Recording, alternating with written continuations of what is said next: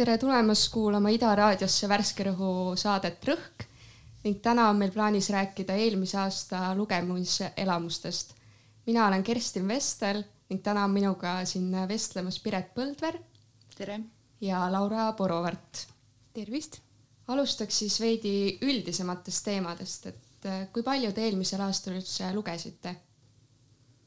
Mm, mina lugesin tegelikult kui mind paluti siia saatesse, ma olin meeldivalt üllatunud, et ma ikkagi olin üht-teist lugenud eelmisel aastal.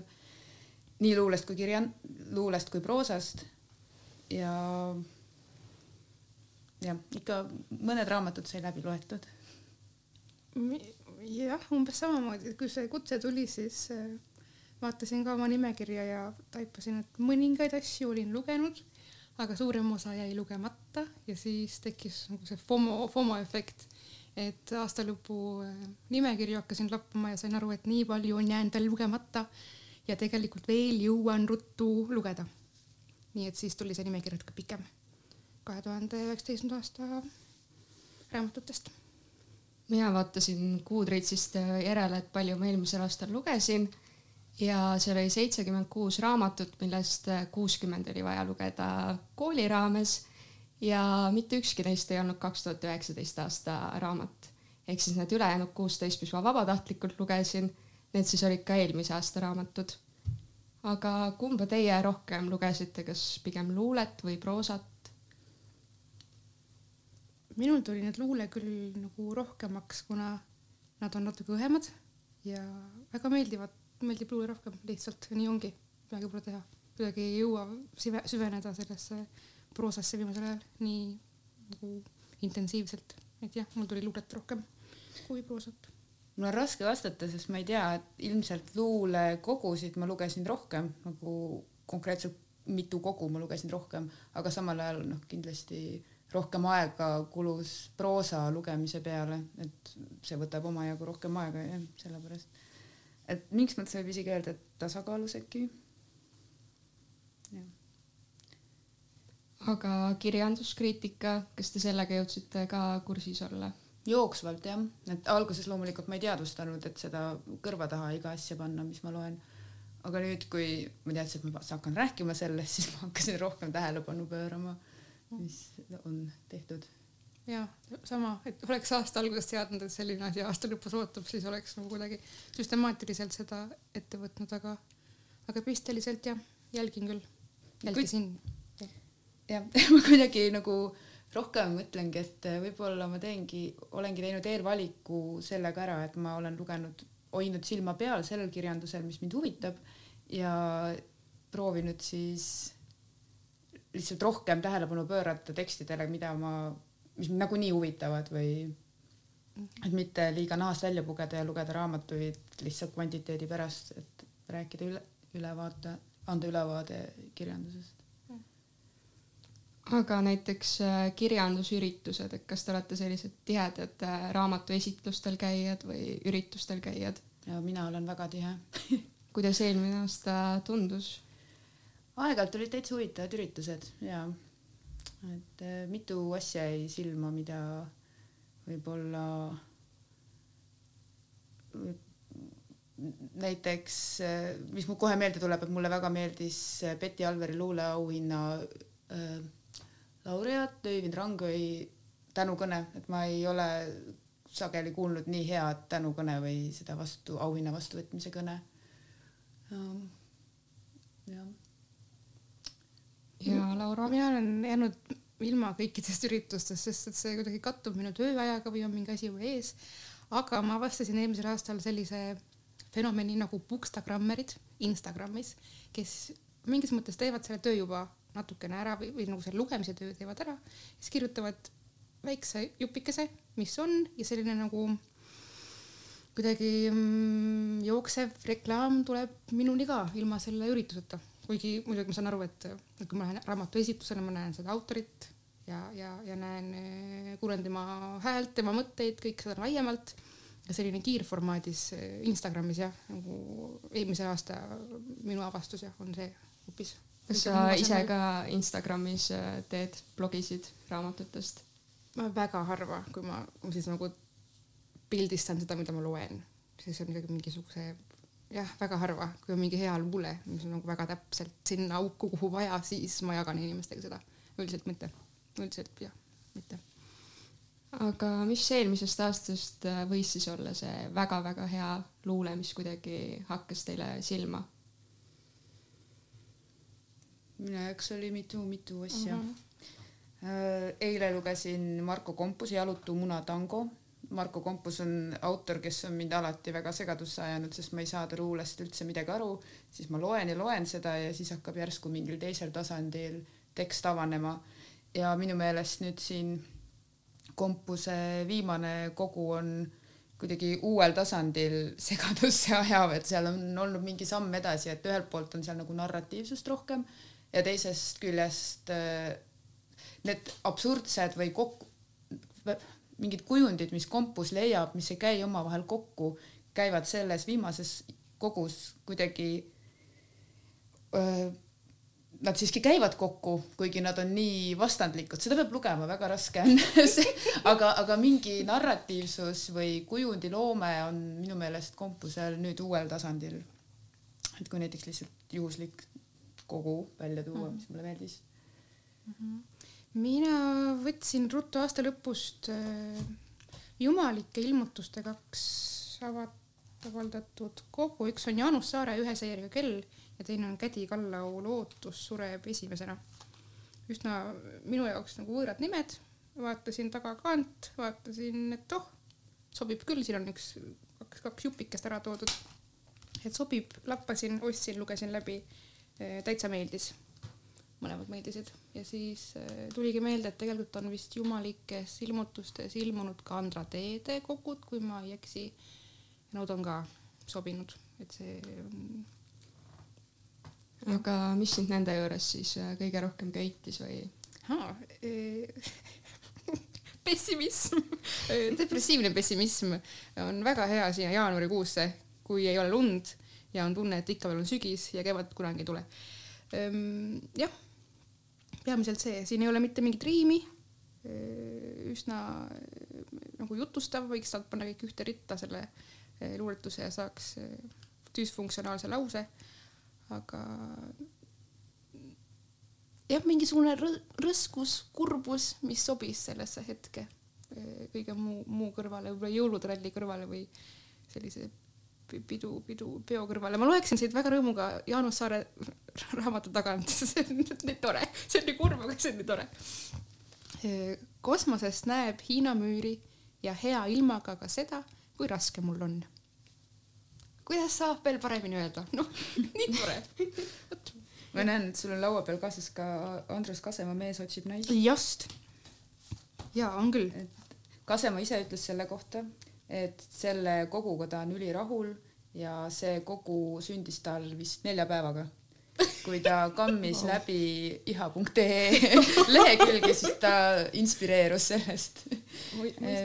jah, ja Kasemaal ilmus ka teine luulekogu Muusa, mida ma ise ei ole kahjuks lugenud ja tal ilmus ka jah, Vanapoiss, Vanapoiss, mis äh, on kolm luulekogu vanapoiss on proosa, proosa., aga Muusa, ma olen kindel, et Muusa on väga hea, aga ma ei saanud raamatukogust kätte seda praegu. ta on väljas.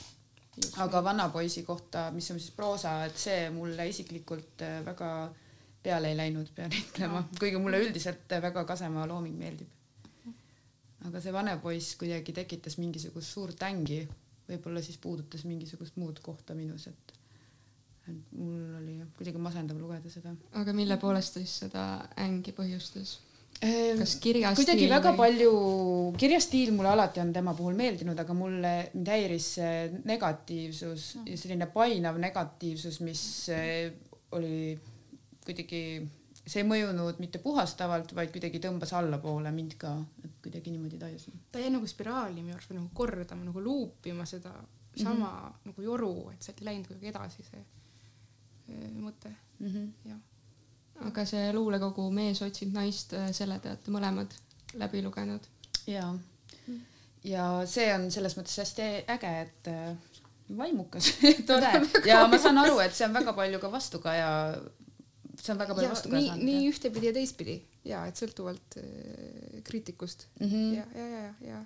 et see tekitab mm -hmm. mõtteid mm -hmm. jah ja väga ühtlane kogu ka. võib-olla, mis kõige rohkem mulle selle aasta luulekogudest meeldis, oli Maarja Pärtna Vivarium. see on, ma olin väga üllatunud, kui tugevalt see mulle mõjus, minu meelest on, see mõjus emotsionaalselt tugevalt ja samal ajal ma näen seal väga suurt sellist kunstilist meisterlikkust, et ühelt poolt need räägivad, toovad ette mingi pildi ja teisest, teiselt poolt seal see muut-, annab, seal on väga, see tekst on väga mitmetasandiline ja kujundid tekivad väga tugevad. jah. mulle ka väga see luulekogu meeldis, ma isegi ei oska öelda, miks. kuidagi jah, nagu Piret ütles, siis äh, emotsionaalselt mõjus, aga mul oli tunne, et ma kuidagi võib-olla ei saanud päris täpselt aru sellest kõigest äh, mõttest seal, et see mõte jäi hoomamatuks, aga jah, mul on ka see kirjas äh, üks, äh, kui üks parimaid lugemuselamusi eelmisel aastal mhm. luules ma olen siia toonud endale märkmetesse kirja pannud, et see on meditatiivne, selles on hästi palju peatumist ja see püüab hetke, see on nagu mingi hetke fotografeerimine. ja, ja samal ajal on ter-, see kogu tervik väga-väga ühtlane tunne, et ma pole küll seda lugenud, aga mul on tunne natukene, et Karoliina Pihelga see valguskivi sees kuidagi haakub sellega kokku. mis te mainisite, võiks vabalt ka tema, tema kohta öelda mm. -hmm. ja ma lugesin neid kusjuures kõrvuti niimoodi, et Aha. nagu. no need on tõesti jah. kuidagi sarnased jah. ka see pildilikkus ja nagu tundlik ja see lapsepõlve motiiv või see, kuidas ta selle lapsepõlve võtab nüüd kaasa ja võtab sealt kuidagi karbist välja ja teeb ta lahti ta on nagu mingisugune lõngaviht, et nüüd võtan välja ja siis avan ja vaatan, et mis sealt tuleb ja ja kuidas see minu praegust mina siis on mõjutanud, selle raamatu mina. ja hästi jah, nagu lühikesed jupid, ma ei saagi nagu öelda, kas ta on siis luule, vist läks ikkagi luule alla. Läks ta luule alla? Karoliinal oli proosaluule on see. proosaluule, noh juba. et ja ka ühtlane siis, kui neid, neid mõisteid kasutada jah. tooks ka välja paar luulekogu, mis mulle kuidagi väga hinge läksid. üks oli Piret Pristoli Lilled vabakal, ma ei tea, kas te olete lugenud. ma arvustasin seda, see oli üldse mu esimene arvustus, mille ma kunagi kirjutasin, seega seda sai ikka korduvalt-korduvalt äh, läbi loetud ja kuidagi neid äratundmishetki seal nende emotsioonidega tekkis nii palju, et kuigi stiililiselt võib-olla ei olnud nii tugev ja võib-olla nii väga ei meeldinud, aga see, mis tunde see tekitas, et äh, see oli minu jaoks peamine.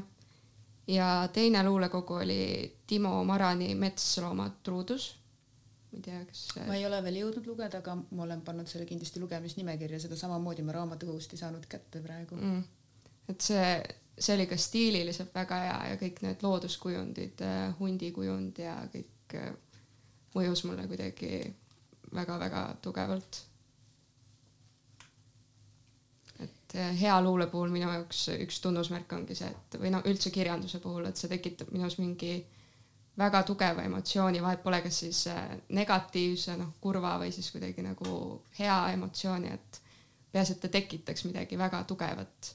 Ja need luulekogud eh, suutsid seda. Mm. -hmm. ma lisan veel paar luulekogu, mis silma, silma jäi. Vahur Laiapea ja Jaan Toomiku kadunud kodutud seosed see oli ka Alveri üks kandidaate. ja minu jaoks, mulle jäi see silma sellepärast, et seal olid luuletused ja maalide reprod vaheldumisi. ja ma kohe tundsin huvi, et kuidas need kaks kunstiliiki teineteist toetavad ja minu meelest nad toetasid nagu väga tugevalt ja laiapea luule on väga kooskõlaline, selge tekstid on hästi tervikud, terviklikud, minu meelest võib-olla isegi liiga terviklikud, samamoodi terve see luulekogu oli algusest lõpuni kuidagi tugevalt kokku seotud. ja samas tekkis jälle tunne, et võib-olla isegi liiga tugevalt, et oleks võib-olla tahtnud rohkem lahtisi otsi. ja siis kindlasti seesama Alveri võitnud Öivind Rangõi sisikond jättis mulle väga tugeva mulje. ma ei tea, kas sa oled lugenud seda? ei ole kumbagi lugenud kuulan huviga ja panen omale nimekirja. ma ja et äh, Rangoist on tegelikult päris palju kirjutatud ka, et võib-olla sellest ei olegi nii pikalt vaja rääkida, aga et et see on tõesti tekst, seda auhinda väärt igal juhul kas sa oled ka selle kriitikaga kursis, et mis tema kohta siis kirjutatud on? jaa, no sellega, sellest on räägitud loomulikult selle auhinna pärast, aga Pillerin Larm kirjutas sellest arvustuse ja Siim Lill samamoodi. ja Larm tõi välja, et seal on päris palju usuteemat, mida seal on, aga ma ise ei oleks osanud seda niimoodi näha või Jumala küsimus on seal esil. ja aga mind ennast võib-olla kõige rohkem paelub või mulle kõige rohkem meeldib see, et Rangö tekstid on hästi tihedad, napi sõnastusega ja kujund tuleb väga ilusasti välja väga väheste sõnade pealt, et see on võib-olla see kõige suurem asi, mida ma hindan kõige rohkem mm. -hmm. ma olen siia kõrv, pannud kõrvuti Maarja Kangro Puule ja Sveta Grigorjeva American Beauty. ma tunnen, et nad ühte ma lugesin aasta alguses, teist aasta lõpus ja et nad äh, lähevad minu lu luule peas sinna luulelahtrisse koos, samasse lahtrisse. ta on natuke riiakad, natuke nagu sõjakad, isepäised, ütleks, ja äh, mõlemad hästi kenasti lähevad sinna eelnevate teoste sappa või et, et, et kui eelnevalt lugeda Grigorjevat või Kangrot, siis on umbes teada, mis järgmisena tuleb, et nad ei ole nagu üllatavad, aga äh, nad seal autori loomingus kenasti teevad sellise nagu jätku, no kuidagi lähevad sinna ratta, mis juba on eelnevalt sisse eh, tallatud.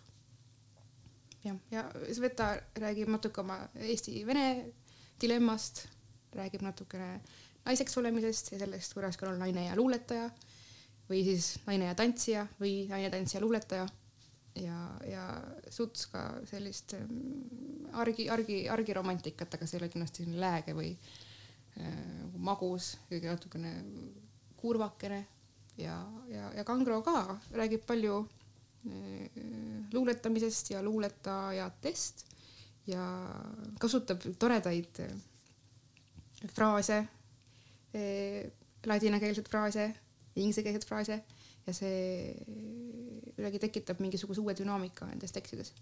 jah, või, või tõukumise või, või, või peatuse või pausi või midagi sellist, mingisugune jah, mingi lõtk tuleb kuidagi sisse, ei tea. jah, need panin kokku, kõik. seda American Beauty't ma olen ise ka lugenud ja mulle ka meeldis, et mul tekitas seosed äh, Kristel Rebase luulekoguga Ah litad, minge tee kah. et see rääkis samamoodi nagu naiseks olemisest ja kõigest sellest, et minu meelest ma paneks just äh, need kaks luulekogu okay. omavahel äh, paari. no mulle tuli ka nendega meelde Kristel Rebase looming. aga Kristel Rebasel ilmus minu meelest eelmine aasta kaks raamatut. ja teine oli äh, keerulise pealkirjaga, ma leian selle varsti üles, ma ei saa praegu öelda seda. Aga, aga need olid minu meelest väga erinevad luulekogud. Ah litad, minge te kah oli kuidagi palju narratiivsem ja sõnaohtram. Ja see teine luulekogu, mille pealkirja ma ei saa öelda praegu ah, Una Bar-, Barocco, Uno Barocco on teise luulekogu pealkiri. see mind nii väga ei kõnetanud, see oli hästi napp ja selles oli mingi üsna tugev agressiivsus, selline passiivagressiivsus, mis võib-olla ka mind natuke nagu tüütas vahepeal aga, aga see Alita Mingede kah, see oli äge. aga kuulaks vahele siis äh, ühe muusikapala. ma olen täna valinud äh, Teet ja Tuuli Vellingu uuelt albumilt äh, Armastus Eesti moodi, paar muusikapala.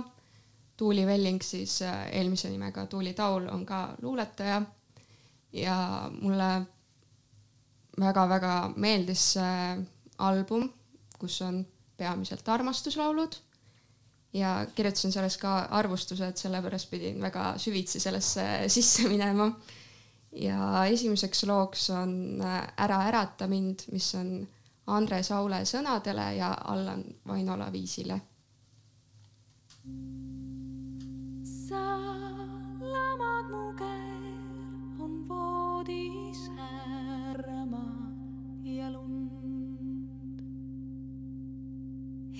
hinges on jää, kuid süda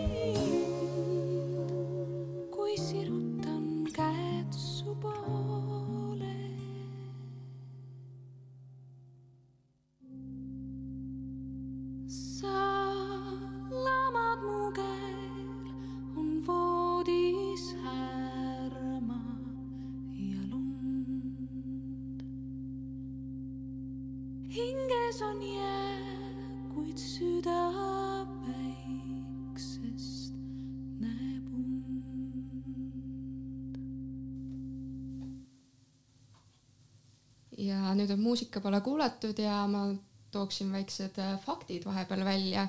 nimelt eelmise aasta müüginumbritest. Äh, kirjastuse liit märkis, et kokkuvõttes äh, raamatute müük on kasvanud kuus protsenti võrreldes eelmise aastaga. ja kaks tuhat üheksateist aasta enim müüdud raamat oli Kätlin Vainola lastele mõeldud tellimusraamat Minu Eesti seiklus ning teisel kohal oli sellesama autori sama teose siis venekeelne väljaanne. ja eestikeelset äh, müüdi kakskümmend tuhat seitsesada kuuskümmend üheksa eksemplari. ja enim müüdud e e-raamat oli E.L. Jamesi Tumedam. et äh, e-raamatute puhul panin tähele, et rohkem oligi siis äh, välismaiseid autoreid, et Eesti autoreid miskipärast e-raamatut nii palju ei osteta, et võib-olla tundub kuidagi kallim võrreldes või noh, see hinnavahe tavaraamatu ja e-raamatuga ei ole nagu nii tuntav, et võib-olla sellepärast. aga nüüd vist oleks õige aeg üle minna proosa peale, et äh, mis on teie proosa elamused eelmisest aastast? meil siin pausi ajal tekkis just väike arv, arvamusvahetus, et mina vaatasin, et Laural on raamat Margit Lõhmuse Sterne, mis mulle vist kõige rohkem eelmise aasta raamatutest meeldis. ja sinu vastus oli midagi muud tegin koleda häälitsuse siia peale. ei, ei, ma ilmselt mõistan sind. ta on, tekitab emotsiooni. kas see on nüüd positiivne, negatiivne, see vist isegi ei ole tähtis. aga ta jäi mul pooleli, ta jäi mul pooleli kuskil keskel, kus ma ei olnud enam kindel, et kas ma loen seda edasi või et miks ma seda loen või et kust see on tulnud ja kuhu ta siis läheb. meil nagu tekkis palju, palju küsimusi selle tekstiga. selle raamatuga oli niimoodi, et see läks järjest paremaks, sellepärast need tekstid on ka lisatud siia ajalises järgnevuses, et no, kõige esimene tekst on kõige varem kirjutatud ja lõputekstid olid, mul, ma väga nautisin seda for, vormimängu ja see oli midagi täiesti teistsugust, kui ma olen mm -hmm. harjunud, ma olen nii palju kirjandust lugenud, et mulle väga-väga meeldib, kui ma näen kuskil midagi, mida ma ei ole näinud varem. ja sellist päris äh, Eesti kirjanduses midagi sellist ma ei ole varem näinud. nõus. ja tegelikult Margit Lõhmus jäi mulle juba mitu aastat tagasi silma Vikerkaarest, kui oli ka üks tema tekste seal. mul, ma tean, et ta on ammu juba Vikerkaares avaldanud aga mina märkasin teda nagu eriliselt kuidagi alles hiljuti või alles mõni aasta tagasi. Oli üks tekst, mis oli ka Messengeri vestlus oli tehtud pikaks äh, proosatekstiks. Ja ma olin täiesti vaimustuses sellest võttest. mina räägin esimest tema teksti, äh, mis, ma olen sündinud ühe öö suhtest ja midagi taolist, ma leian selle pealkirja võib-olla isegi ülesse. ja lugesin seda rõhust paar kevadet tagasi ja tea, mõtlesin, et see on kellegi esimene siuke kirjatöö, proov, et no hüva, las ta siis olla. ja siis ta sai eelmisel äh, kesktalvel või siis jaanuar-veebruar sai ju selle Rõhu preemia proosa, proosa osas. ja olin üllatunud, väga üllatunud ja mõtlesin kohe, et võib-olla minu, minu need mm, standardid on kuidagi paigast ära või et peaks nagu nüüd rihtima neid paika, aga ei, nüüd lugesin teda ja ikka kuidagi siuke nagu, nagu, nagu riivis kusagilt minu nahka maha või ma ei, ma ei oska öelda ma ei ole päris kindel. ja ei, ta võib olla vist häiriv küll jah -hmm. aga samal ajal mina tundsin nii vahetult, et ma mitu korda hakkasin valju häälega naerma, kui ma seda raamatut lugesin mm. -hmm. ma ei hakka sageli naerma üksi olles raamatuga enam, kunagi hakkasin vist rohkem. ja, ja mulle tundub, et see on üks ideaalne näide, kuidas vorm toetab sisu. et siin on äh, väga sihuke eklektiline vorm, siin ei ole isegi korralikke reegleid, mille järgi see on üles ehitatud. ja samas siis jah, et see sisu on ka üsna selline noh, see sõna transgressiivne muidugi peab vist ütlema, kui aga selle kirjandusest aga mis rääkides. selle puhul häirivat oli siis, et mis teemasid see käsitles? ta oli nii füüsiline minu arust ta oli kuidagi nii ootamatult füüsiline. ühes loos vist keegi jõi peategelase uriini. uriini jah, näiteks ja, ja siis ta seal rääkis oma menstruatsiooniverest väga põhjalikult ja, ja noh, kõik erinevad väljaheited nagu ikka transgressi-, transgressiivses kirjanduses on, aga ja siis hästi palju on vist selle kohta öeldud ka, et see on feministlik raamat. ma ise ei tuleks nagu selle peale esime-, no see kindlasti on, see on naise kehast ja, ja nii edasi, aga samal ajal noh, ma ei tea, see võib-olla käib terve selle vormiga nii tugevalt sammu, see feminismi osa, et ma isegi ei oskaks seda eristada sealt nii tugevalt. igatahes mulle väga meeldis see raamat mul on hea meel, et see sulle meeldis. ma võib-olla ikka võtan ta veel ja, ja lõpetan ta ära ja siis muudan oma meelt, ma jah. ei, ei, jaa, nõus sellega, et see on täiesti raputatud.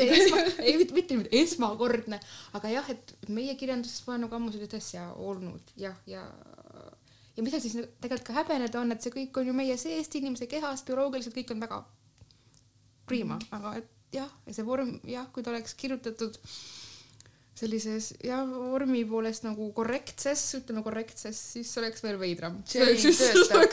Kaja Pruul rääkis ühes äh, intervjuus, et ta alguses toimetaski Margiti tekste korrektseks korda, korda. ja siis see edasi ja tagasi toimetanud Kajar Pruul siin ees impressum, mis tähendabki seda, et ta on siis selle korralikkuse jälle maha tõmmanud. sellepärast nii oli kirjas edasi-tagasi. ahaa sobib okay.. aga proosast veel peale selle lõhmuse? mul on tunne, et see aasta oli ka nagu Õnnepalu proosa aasta või Õnnepalu aasta, et see algas juba selle. veidikene. Aakri, Aakriga ja Pariis Pariis oli enne, vabandust, üks neist oli, olgu. Pariis oli, jah, Pariis mul ainsana on olemas, Pariis ja et see, see lubadus, et nüüd tuleb veel kaks tükki, noh, selline ootuse elevus või jätku, jätku ootus. mina olin nagu ka väga aastas. elevil alguses, kui ma mõtlesin, et tuleb Õnnepalu romaani triloogia välja ja kui Pariis välja tuli, kohe läksin poodi, ostsin endale mm, -hmm. sest et noh, mul mõned Õnnepalu teosed tõesti on nagu väga meeldinud. ja siis võtsin selle lahti ja vaatasin, et okei okay,, see on umbes täpselt sama, mis eelmine.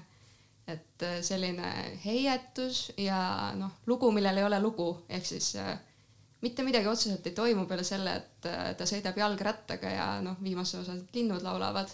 aga noh, mingi kindel žüsee nagu puudub ja mind tohutult häiris see. aga hasardis siis ikkagi võtsin selle haakriga lahti, mõtlesin, et noh, et äkki on nagu äk,, äkki on midagi muud, äkki nüüd mulle meeldib. aga ei, see oli ikka täpselt samasugune. ja kui ma juba kaks osa olin läbi lugenud, siis ma mõtlesin, et noh, mis seal ikka, ma loen siis kolmanda ka ära, lõpmatus, väga intrigeeriv pealkiri, mida kõike võiks lõpmatusest kirjutada aga ega seal peale linnulaulu ja lindude pesitsemise ja maatööde väga muud ei olnudki, ehk siis äh, olin elevil ja olin pettunud. minu, jah, minu jaoks on küsimus see, et kas asi on selles, et me oleme lugenud kõik Õnnepalu juba nii palju aastate jooksul, et me me, need tekstid ei saagi meile uudsena mõjuda, sest me oleme lugenud neid Paradiisi ja mhm. Flandria päevikut või et kas siis need, see triloogia mõjuks mulle, kui ma ei oleks lugenud neid varem, teisi tema raamatuid, et kas küsimus on selles, et on hakanud ennast kordama või küsimus on selles, et äh, et ta on kuidagi kehvemaks muutunud või, või? ma arvan, et see on nagu mõlemat, et ta on hakanud ennast kordama, aga noh, kui ta alguses välja tuli sellise stiiliga, siis see tundus midagi uudset. ja noh, võib-olla kui ma oleks, Pariis oleks olnud esimene raamat, mida ma üldse Õnnepalult äh, oleksin lugenud, siis mul võib-olla oleks see tõesti meeldinud, aga kuna jah, ma olen kõiki eelnevaid ka lugenud, siis äh, noh, ma juba teadsin, mis seal, mis seal tuleb nõus, mina veel tegin, mõtlesin, ma olen hästi kaval, et ma teen Õnnepalu suve, et ma hakkan nagu päris algusest tema esimestest tekstidest pihta. juba siis lugesin ja tundsin, et okei okay,, siin esimestes on juba nagu killukesi asju, mis on ka hiljem, kuna ma olin hiljem lugenud või hilisemaid teoseid lugenud. ja siis, kui oli käes see hetk, et hakata nüüd triloogiat lugema ma tundsin, et see nagu tuleb igalt poolt must juba kõrvadest tuleb auru välja, et see vist ei sobi enam jah, või võib-olla mingi meditatiivne seisund peaks olema või mingisugune hingeseisund, kus see tõesti sobib. aga. aga see on väga huvitav, sellepärast et mulle tundub, et nii, minul on samad tunded ja nagu meil kõigil, et kerge pettumus, samal ajal on Õnnepaluga olnud mingisugune väga tugev side kunagi mm. -hmm. just, see on nii kurb, et sealt see side on nagu ära kadunud või et teda enam ei teki. et jah, nõus aga selle aasta mul on äh, kaks asja, mis mind üllatasid, üks oli Andrus Kivirähki Sinine sarvedega loom, mis jättis mulle ülitugeva mulje, see meeldis mulle tõesti väga ja ma arvan, et see on Kivirähki üks parimaid raamatuid üldse, et seal noh, räägitakse, et Kivirähk on suur naljameister võib-olla, aga minu meelest see Kivirähki naljad noh, nad nagu no aeg-ajalt nad jäävad kuhugi poolele teele minu meelest samal ajal see Sinine sarvedega loom, et siin see nalja pool võib-olla nii väga ei domineerinud, kui, kui domineeris mingisugune melanhoolne elutunnetus ja mis on väga sarnane Kivirähki varasema teosega Liblikas, mida väga vähesed on tegelikult lugenud. ja jah, et see Kivirähiki, ma ei tea, mina ütleks, et see on tippteos, mitte, mitte Rehepapp ega need teised, vaid just see on minu jaoks olnud kõige-kõige huvitavam Kivirähki teos. võib-olla esimene kolmandik oli natuke igav, aga muidu. ja teine minu üllatus, mis ma leidsin endale, oli Mart Kivastiku Taevatrepp, ma poleks arvanud, ma pole varem lugenud Kivastikku ja ma poleks arvanud, et Kivastiku raamat mind niimoodi kõnetab või kuidagi väga meeldib, et seda oli hästi tore lugeda. Ja see teema, teema oli vanadus või vananemine. Ja, ja see kõik tundus mulle kuidagi väga armas, siiras ja raamat oli ise ka terviklik ja kergesti jälgi-, jälgitav ja hästi üles ehitatud. Aga selle Kivirähki teose puhul, et äh, mis oli see, mis, äh, mille mille pärast sa ütled, et see on võib-olla ta parim seni avaldatud teos mm,? seal see teema kellegi see, kuidas ta suutis tegelikkust ja fantaasiat põimida, oli nii veenev, et ma ise hakkasin kahtlema, et mis on tegelik ja mis on väljamõeldis. Ta on võtnud Oskar Kallise eluloo ja selle siis äh, sellele andnud mingi alternatiivse tegelikkuse ja see toimib ja, ja see jätab kuidagi end-, minusse jättis see ka väga lootusrikka ja maagilise tunde kogu selle reaalsuse pärast, kus ma tegelikult elan. sa lugesid ka? ei, ma hakkan mõtlema, kas Oskar Kallis, kui ma ei eksi, on üsna noorelt tegelikult. ta suri väga noorelt ja, ja Kivirehk annab väga huvitava tõlgenduse, miks ta suri. huvitav, et vau, ei ole lugenud, ei. jah mm. -hmm. minu kaks ma ei saa öelda, et vaield-, vaieldamatult lemmikut, aga need, mis ma suutsin kiiruga läbi lugeda. üks neist oli Paul Raua Kellata torn, mis sai ka mõningaid preemiaid. ja kuna ma lugesin Piret Raua raamatut eelmisel jaanuaril, siis eelmine jah, ja siis ma mõtlesin, et okei okay,, et ma võtan siis nüüd niimoodi ka nagu põlvnemiselt järgmise põlvkonna raamatu ette ja esimesed viiskümmend lehte läksid raskelt, ta oli väga tihe, ta nõudis ikkagi nagu süvenemist ehm,. tugev, tugev kirjeldus. see natuke meenutas mingisugust sellist Krossi-laadset kirjeldust, et selle tassi kirjeld-, tass, tassil on vari ja sellel varjul on omaette kirjeldus ja sellel varjul, varju kirjeldus on omaette veel mingisugune nüanss, et see nagu läks väga süvitsi aga, ja panin ta kõrvale, mõtlesin, ma ei loe teda üldse, et, et see on nüüd maha kantud. aga võtsin ta kätte ja lugesin läbi ja tegelikult väga tõesti see käsitööoskus, kuidas luua seda maailma, mis on natuke selline müütiline, para, mitte para, mis maagiline realism, ütleme. Ehm, et kuidas seda maailma siis luua, et tegelikult seda on üsna, üsna keeruline luua nii, et ta oleks veenev ja ilus ja huvitav, väga huvitav. natuke ristikivilaadne, selline hingetöö, et loed ja ei saagi aru, et oot-oot-oot-oot, mis asja, et kus on see, kus on see päris tegelane, et kogu aeg räägitakse ühest tegelasest, kes tuleb ja läheb või kes nagu on kuskil. Aga ta ei ole mitte kuskil, ma ei saa aru, kus ta on, raamatu lõpuni ma ei tea, kes oli too inimene, keda oodati või kes kuskil on, käib, tuleb, läheb. nii et sa soovitaksid lugeda seda? ja, jah jah, ma arvan, olen üsna veendunud, et Paul Raud tegi sellega palju tööd, selle kirjutamisega, et see sai nii tihe, just nii tihe kirjelduse poolest. jah, soovitan küll, jah. väga äge. ma tahtsin lisada veel üks raamat, mis oli minu meelest väga oluline eelmine aasta. Mm, Peedu Saare Mailased. et, et Kersti, sinuga me oleme sellest juba rääkinud ka. Ma ise toimetasin seda ja mul on nii hea meel, et ma sain nii head raamatut toimetada, ma iga, see on üks äh, parimaid raamatuid, mida ma üldse kunagi olen toimetanud. Ja ma ei äh, ma ei toimetanud selle palju ja ma tunnen, mul on väga suur austus Peedu lausestuse ja sõnastuse ja poeetilise keele vastu, et ma väga-väga vähe laususe tasandil üldse midagi julgesin teha. tema hoomab ja tajub lauset kindlasti palju paremini kui mina. Äh, ja siis ja see raamat tead, minu meelest on hästi mitmekihiline, seal on äh, minu meelest hästi tugevad mõjutused üheksateistkümnenda, kahekümnenda sajandi vahetuse kirjandusest, justkui oleks need teosed mõjutanud teksti, näiteks dekadents või kergelt muidugi romantism või isegi tugevalt vist mitte kergelt. päris tugevalt ütleks jah. ja, ja noh, see lugu ise on üsna naiivne ja lihtne.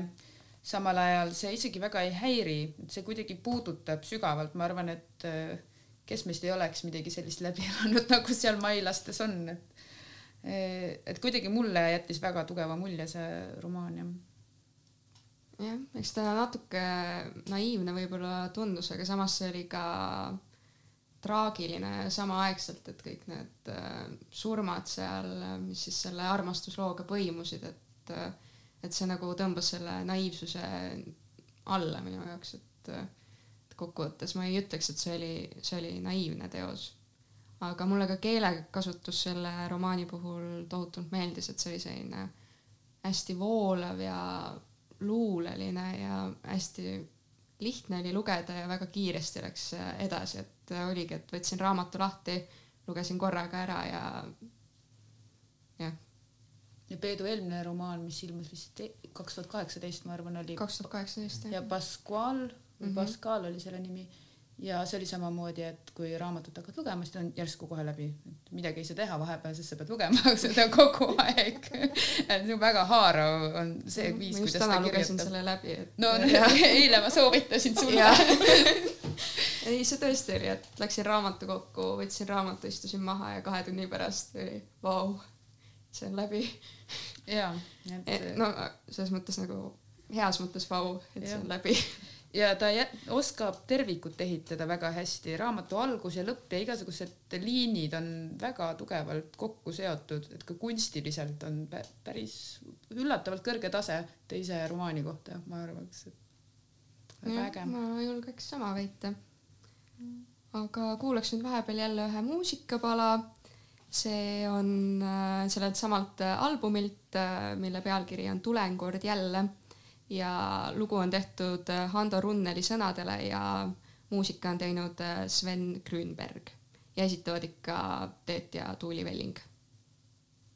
ma tean, et ma tulen kord jälle ja hakkan sind nõudma taga ja otsima igat sinu jälge, kus kunagi kohtus meie rada mu tulek on aimates tunda, siis kuulda võid öölinnu karjet. on hämarad ööd, mu tunnad, neist pidet saan leida ning varje.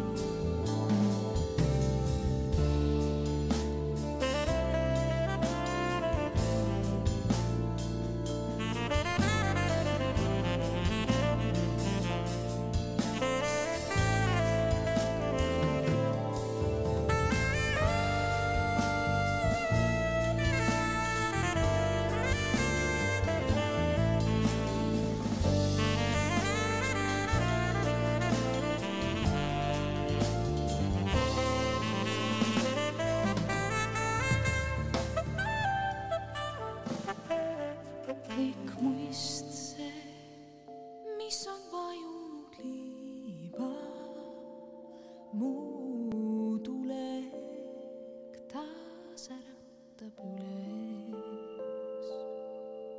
Ehk küll teda kurjalt ja kiivalt aeg unustus peab oma süles siis nõuan ma tagasi jälle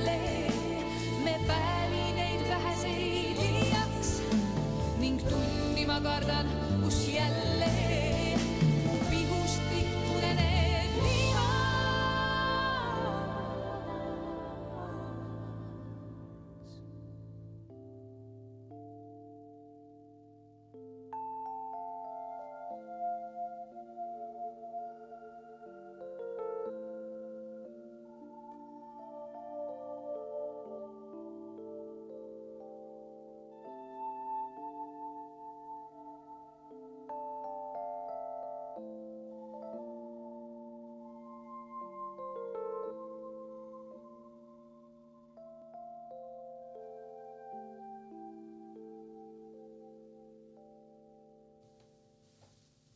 aga ma jätkaksin vestlust äh, proosa teemal, ma vaatan, et Laural on äh, laual üks äh, Eija Uusi viimane romaan, mis sai ka romaanivõistlusel, ma ei tea, kas teise või kolmanda koha, Tüdrukune on selle pealkiri.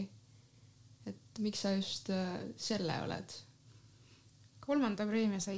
miks ma selle olen võtnud? no jällegi täiesti hirmus Instagram. Ta sai ka megalt haipi või ma ei tea, kuidas seda haipi eesti keeles eh, peaks tõlkima, aga ta on kuidagi mingis, mingis eh, ringkonnas selline fenomen, noh siis nagu naiste, naiste hulgas fenomen ja mõtlesin, et okei okay,, loen ka, et vaatan, kas siis tõesti on seda vahtu, vahtu väärt, mis ta on tekitanud. ja hästi toimetatud, läheb samuti üliruttu, ma arvan, kui ma oleks seda varem hakanud lugema, ma oleks saanud ühe õhtuga läbi, aga ta läks mul kahe õhtuga. hästi voolav, võib-olla sutsu kohati mõelda, et on, kas päriselus ikka on nii, nagu seal raamatus kirjutati, aga mis on peamine mõned ajad tagasi rääkisin sõbrannaga, et kas Eestis üldse on mingisugust lesbiromaani või romaani, mis üritaks olla veidigi selline homokirjandus. ja see, ma, ma ei liigitaks seda kindlasti lesbikirjanduse alla. aga siin on nagu palju sugemeid, mille peale saab mõelda ja sealt ta hargneb lahti ka jällegi see naiseks olemise, noh, mis siis, mis siis on olla naine nüüd praegusel ajal Eestis, kas see on, muidugi ta noh, ta ei võta kõiki ühiskonnaklasse, et mis nüüd kõikidel inimestel, kõikidel Eesti naistel, mis tunne neid võib olla, on naine Eestis, aga ta kuidagi puudutab neid alustalasid üsna teravalt, näiteks, et lähed õhtul koju, et kas sa tellid takso või julged minna jalgsi. Ja siis seal on, nad arutavad sellel õhtusöögil sellest, kuidas mehed ei mõtlegi selle peale, et kas ma lähen jalgsi või võtan takso, mitte et kas mul on mugav, vaid see, et kas mul on ohutu. Et kuigi see natuke leierdab seda teemat, tunnen ma, et see on nagu praegusel hetkel vajalik üle korrata. ja ta mainib siin päris palju autoreid, keda võiks iga feminismist huvituv inimene siis esialgu lugeda. jah ja tal on üsna, ma arvan, et tal on päris lai auditoorium, et ta sobib ka, et, et, et, et, sobib üsna paljudele, ma arvan ka vanusest viisteist kuni kaheksakümmend viis, ma olen näinud Eija Uusi Instagramis taaskord, et ka üks üsna eakas daam oli see raamatu endale ostnud ja ma loodan, et talle väga see meeldis. jah, see, ma ei saaks öelda, et ta oli minu tohutu lemmik, aga kiire lugemisena, miks mitte, sobib ma olen ka tähele pannud, et Instagramis väga-väga palju jagatakse seda raamatut, et äh, Rahvaraamat pidevalt teeb neid äh, riposte ja, ja üldse tundub väga populaarne olevat äh, just noorte seas. ma kindlasti plaanin ka selle mingil hetkel läbi lugeda, kui ma enda bakatöö erialakirjandusega olen kunagi lõpule jõudnud aga rääkides eelmise aasta lugemuselamustest, siis kas teil oli ka midagi sellist, mingit halba lugemiselamust? midagi, mis väga ei meeldinud? noh, ikka oli mm, ma loen praegu, varsti saan läbi B.I. Filimonovi viimast äh, romaani Asünkroonujumine. kuna mulle on Filimonov üldiselt meeldinud ja ta on väga põnev autor tundnud, tundunud mingisuguse, tal on midagi uudset, ta on vaimukas ja üsna ägedalt voolava keelega, siis ma loomulikult hakkasin ka seda romaani lugema ja ma pean ütlema, et ma olen pettunud selles. Mulle tundub, et siin romaanis on üsna palju sõnavahtu ja mingisuguseid otsitud probleeme. tegelased, need tegelaste dialoog ajab mul juhtme kokku, mulle tundub, mul on hakanud tunduma, et see peab juhtme kokku ajama, sellepärast et kui keegi midagi küsib, siis vastus sageli on seal dialoogis mingi jääb mingisuguse täiesti triviaalse detaili külge. Et, et dialoog nagu ei jõua kuhugi, suur plaan kogu aeg libiseb ära ja dialoog on mingi pisiki, pisiasjade kallal nokkimine. ja samamoodi terve see romaan, et ma ei saa tegelikult aru, kuhu see liigub ja mis on suur pilt, mis see point on ja samamoodi kui ma olen varem nautinud Filimonovi teksti, siis nüüd ma tunnen, et mul on igav seda lugedes. ma loen selle romaani kindlasti lõpuni läbi ja siis ma tahan näha, kuhu see jõuab ja võib-olla aeg aitab setitada, aga praegu ma olen küll kuidagi üllatunud, et enda reaktsioonist. et äh, tundus nagu stiililiselt selline natukene segane ja samas nagu lugu ka, et just, et ma võib-olla ma ei saa lihtsalt ise aru, mida ta seekord teinud on, võib-olla ta on teinud midagi täiesti teistsugust ja uut ja ma lähen oma ootustega peale, aga kõige suurem probleem ongi, et kui ma loen seda, ma tunnen, et ma tegelikult ei tahaks seda väga lugeda. ja see on kurb, et mulle ta meeldib tegelikult autorina väga. ja Laura puhul? ka nõus, samasugune mõte, et et kui eelnevalt autori tekstid on meeldinud, siis miskipärast on viimane teos nagu tekitanud pettumuse. siit ma korraks põikan tagasi veel viimase selle tüdrukuseni, Eija Uusi-oma, et, et miks me üldse rääkisime, et pole sellist asjalikku lesbiromaani, oligi see, et ma lugesin David Jantsi Armastuseta. tema eelnevad tekstid, just need reisikirjeldused on olnud väga meeldivad, mulle väga meeldivad tema tekstid, mis ta kirjutab maadest, kus ta on elanud või mis on teda kuidagi, kus ta jah, on siis elanud. ja, ja lootsin, et see tekst on ka samasugune mahlakan, mahlane ja ilusasti kirjutatud, kuidagi oskuslikult kirjutatud, aga aga see armastus, et ma eeldan, ma, ma väga eeldan, et see oligi taotluslikult kirjutatud natuke nagu Reidi ärjekas, kui me veel mäletame, mis oli rate.ee ja selline noortekas ja ma ei olnud päris kindel, kas see vorm toetas sisu selles kontekstis.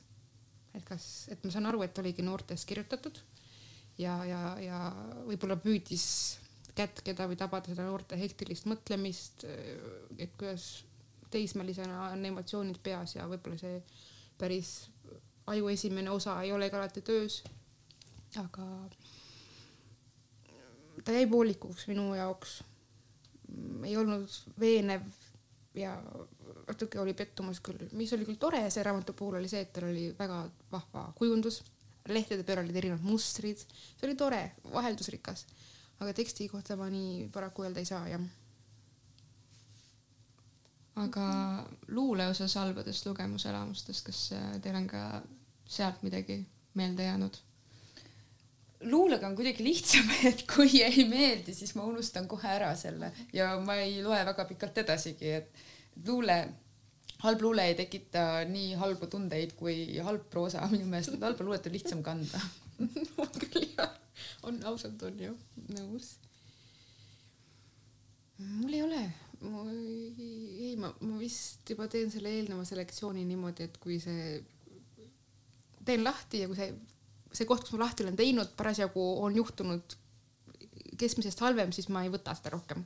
ja palju läheb kuidagi vist piinlik öelda kaane järgi. sest et ei saa ju olla nii, et on hea kujundaja ja on mingi noh, kaheldav sisu, et selline asi ei suuda. ma ei, ma ei usu, et selline asi on võimalik. nii, nii piinlik kui see ka ei ole, et raamatut kaane järgi valida jah, mul on luulega sageli see tunne ka, et rohkem kui proosaga, et võib-olla ma ei mõista luulet nii hästi kui proosat, et kui ma tunnen, et mingi luuletus või, või terve raamat, luuleraamat ei kõneta, siis ma arvan, et asi on minus rohkem kui proosa puhul. ja proosa puhul ma oskan võib-olla paremini välja tuua, miks see ei kõneta, et luule puhul luule on võib-olla lihtsalt siis jah, nii palju rohkem isiklik ja luule mulle tundub rohkem on võib-olla suunatud teatud inimest, et see ei peagi iga inimest, konkreetne luuleraamat ei peagi iga inimest kõnetama. Ma ei tea, kas proosa peab kõnetama, võib-olla proosa puhul on ootus suurem, et kui ta meeldib ühele, meeldib ka paljudele mm. -hmm. et luule puhul jah, ma ei oska nii hästi öelda, et kindlasti oli raamatuid, mis mulle tundusid igavad, aga ma ei ütleks halb võib-olla. muidugi jah, et on Eestis üks kirjastus, huvitav kirjastus, kirjastus Paljas Jalg ja selle selle väljaanded on küll sellised, et enamik ikkagi võib-olla sealt võiks ütelda, et need ei ja. ole päriselt head luutekstid võib-olla tõesti. aga me oleme enda saatega juba jõudnud äh, lõpusirgele. et võib-olla viimaseks küsimuseks küsiks teie käest, et äh, kuulajatele äkki oskaksite anda paar soovitust, et mida siis kindlasti tasuks lugeda eelmisest aastast kindlasti tasub lugeda Andrus Kivirähki viimast äh, romaani.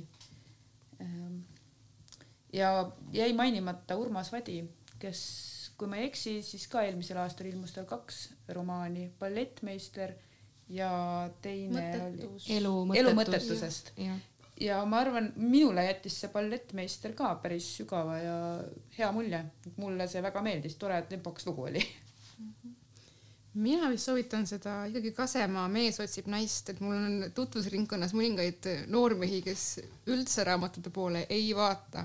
Ja ma siis loen ka vahetevahel raamatuid sellise mõttega, et mis võiks neile sobida, sest ma usun, et iga inimese jaoks on kuskil olemas see üks raamat, kust ärkab tema lugemispisik. Ja ma, ma arvan miskipärast, et see Mees otsib naist võiks, võiks mõnele minu tuttavale raamatupelgurile nagu päris sobida, et ta on ju vaimukas ja, ja ei nõua liialt süvenemist ja, ja üsna sageli on arusaadav, millest see tekst räägib. tekst räägib, isegi kui see ei sõnasta neid asju, millest ta räägib, siis jah, me, me mõistame sageli, millest ta tahab rääkida.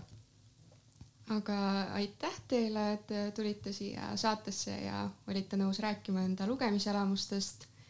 tänan, tänan kõiki kuulamast ja viimaseks laseks teile veel ühe loo sellelt sellelt samalt albumilt, mis oli ka minu kõige kuulatum lugu eelmisel aastal. ja ma ei kuulanud seda kümme, kakskümmend korda, vaid see oli viissada, kuussada korda. seega siit ta siis äh, tuleb, pealkiri on Ma näen seda mäge, sõnade autor on Aapo Ilves ja viisi on teinud Teet Velling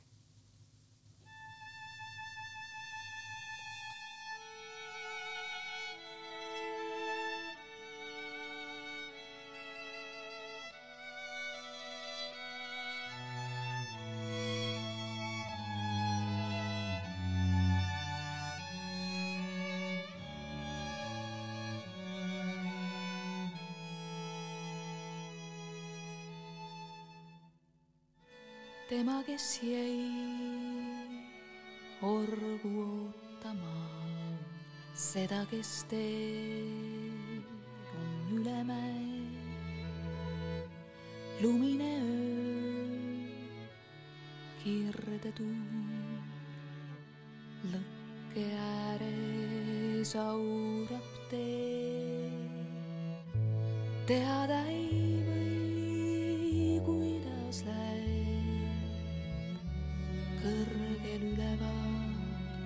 kus on küll kedagi veel